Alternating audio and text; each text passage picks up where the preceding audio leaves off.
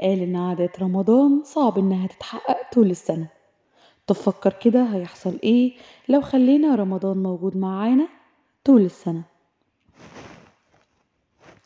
أهلا وسهلا بكل مستمعينا مستمعين راديو شيزوفرينيا وحلقة جديدة وبرنامج وقت الفطار. وقت الفطار بكون فيه معاكم كل يوم خلال شهر رمضان الساعة ستة مساء.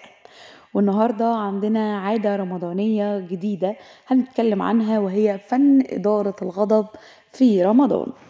إزاي كل واحد فينا بيقدر يدير غضبه أو آه، آه، يبعد عن أي حاجة هتعصبه أو هتخليه يخرج عن شعوره خلال الشهر الكريم؟ دايما وإحنا صايمين في رمضان آه، اللي بيحصل لو حد عصبنا اللي هو اللهم إني صائم.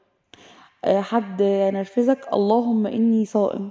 وده بالنسبة لك بيكون تذكير إن أنت صايم عشان خاطر آه، ما تتعصبش ما تتنرفزش ما, ما يخرجش من لسانك لفظ غلط أو ما تتفعلش انفعال غلط تاخد عليه سيئة. فدايما بتنبه نفسك باللهم إني صائم.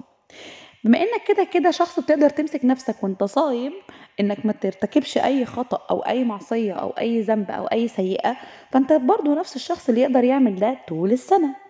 يعني تقدر طول السنة لما تتعصب تفتكر دايما إن عصبيتك هتأدي دايما لأفعال رد فعل مش هيكون لطيف هيديك ذنب أو أو هيديك سيئة فتقدر تبعد عنه وما تعملهوش.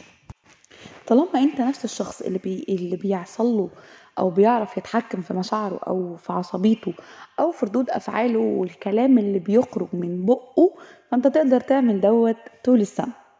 الفكرة في إن أنت تذكر اللهم إني صائم هو إن أنت تفكر نفسك إن أنت صايم وما ينفعش إن أنت تتعصب ما ينفعش إن أنت تخرج عن شعورك ما ينفعش إن أنت تبص بصات مش لطيفة على حد معدي يمين أو شمال. إن أنت تنم أو إن أنت آه تقول لفظ مش لطيف لحد أو إن أنت آه يعني تغتاب حد في عدم وجوده. حاجات كتير جدا إحنا بنعملها ومتمرسين فيها خلال السنة. بنعملها وإحنا مغمضين كده مع إننا عارفين إنها غلط. وبيجي شهر رمضان وبنقول اللهم إني صائم. فلو أنت هتقدر تمسك نفسك فحاول تمسك نفسك طول السنة ما تعتمدش إن أنت تمسك نفسك خلال شهر رمضان بس. لو أنت عارف تسيطر على غضبك فأنت تقدر تسيطر على غضبك طول السنة لأن أنت أنت نفس الشخص ده مش حد تاني. الفكرة هي إن عادة الهدوء اللي هت... اللي بتكتسبه خلال شهر رمضان وإنك بتبقى شخصية أهدى شخصية النيرف بتاعها هادي ال- العصبية أو أكتر حاجة دايما ب... بشير ليها أو يعني بفتكرها فاللهم إني صائم هي العصبية. يعني أكتر حاجة الواحد لما يجي يتعصب يقول اللي قدامه غور من وشي بقى اللهم إني صائم. فلو أنت بتعرف تعمل ده فخلي إن رمضان أو ال 30 يوم اللي إحنا فيهم دول هم تدريبات ليك إن أنت ما تتعصبش ما تتنرفزش. بعد كده بعد رمضان فيبقى الموضوع بالنسبة لك مش مرتبط بشهر تبقى عادة حياتية. وزي ما بيقولوا أي حاجة في الدنيا لو عرفت تلتزم عليها 45 يوم فبقت عادة في حياتك مش حاجة بتعملها وخلاص.